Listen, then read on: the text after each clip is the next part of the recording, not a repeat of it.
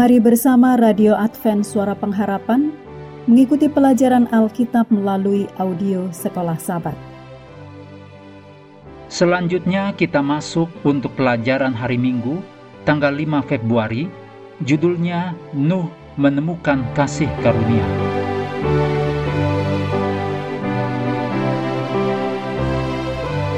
Mari kita mulai dengan doa singkat yang didasarkan dari Matius 6 ayat 20 tetapi kumpulkanlah bagimu harta di sorga. Di sorga ngengat dan karat tidak merusakannya, dan pencuri tidak membongkar serta mencurinya. Amin.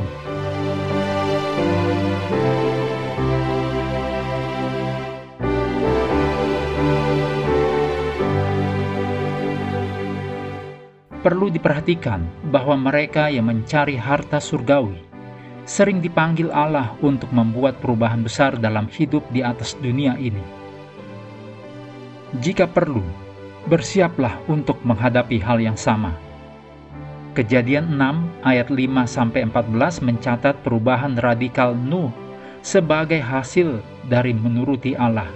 Dan kita juga temukan prinsip-prinsip untuk diri kita sendiri dalam satu dunia yang perlu diamarkan mengenai kehancuran yang akan datang. Dapat saja Nuh menggunakan waktu dan sumber dayanya untuk membangun rumah bagi dirinya sendiri, tetapi Nuh memilih untuk membuat perubahan drastis dalam hidupnya dan menggunakan waktu 120 tahun dari kehidupannya untuk menuruti panggilan Allah membangun bahtera banyak skeptis sekarang ini menolak kisah air bah dan hanya menganggapnya sebuah mitos berdasarkan spekulasi-spekulasi ilmiah tentang hukum alam yang diketahui. Hal ini bukanlah sesuatu yang baru. Dunia sebelum air bah berpendapat bahwa berabad-abad lamanya hukum alam telah ditetapkan.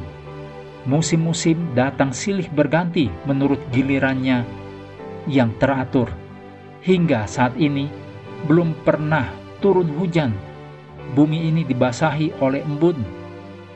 Air sungai tidak pernah meluap-luap, tetapi mengalir dengan tenangnya menuju lautan. Hukum yang tetap mengaturnya sehingga air sungai tidak pernah meluap-luap. Demikian kutipan dari Alfa dan Omega jilid 1 halaman 101. Sebelum air bah, manusia berpendapat bahwa banjir tidak pernah bisa datang berdasarkan pengertian yang salah tentang realitas. Mereka berargumentasi bahwa banjir tidak pernah ada. Kitab suci mengatakan, tak ada sesuatu yang baru di bawah matahari, yang dicatat dalam pengkhotbah 1 ayat 9. Kitab suci juga mengatakan bahwa orang akan bersikap ragu-ragu mengenai peristiwa-peristiwa akhir zaman, seperti pada zaman air bah, dicatat dalam 2 Petrus 3 ayat 3 sampai 7. Maka, bagaimanakah kita bisa siap dan bersedia untuk kehancuran yang akan datang? Ada satu keputusan sadar yang disebut kepuasan yang tertunda. Secara mendasar, hal ini berarti bahwa kita harus sabar melakukan pekerjaan yang Allah minta kita lakukan untuk pengharapan akan upah yang lebih mulia di masa depan. Kita tidak tahu kapan Kristus akan kembali. Dalam satu pengertian, itu tidak masalah. Yang menjadi masalah adalah sama seperti Nuh, kita harus melakukan apa yang Allah minta dari kita, bahkan meskipun itu berarti mengadakan perubahan-perubahan hidup yang radikal.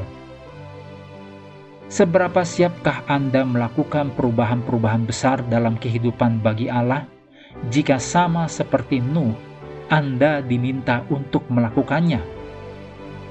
Dalam Lukas 16 ayat 10 dikatakan, Barang siapa setia dalam perkara-perkara kecil, ia setia juga dalam perkara-perkara besar dan barang siapa tidak benar dalam perkara-perkara kecil, ia tidak benar juga dalam perkara-perkara besar.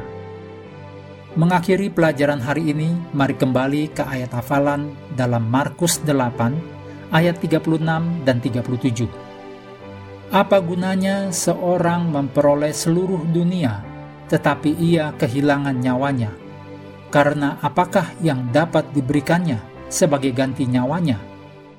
Kami terus mendorong Anda untuk mengambil waktu bersekutu dengan Tuhan setiap hari, bersama dengan seluruh anggota keluarga, baik melalui renungan harian, pelajaran sekolah sahabat, juga bacaan Alkitab sedunia percayalah kepada nabi-nabinya, yang untuk hari ini melanjutkan dari 2 Tawarif pasal 21. Tuhan memberkati kita semua.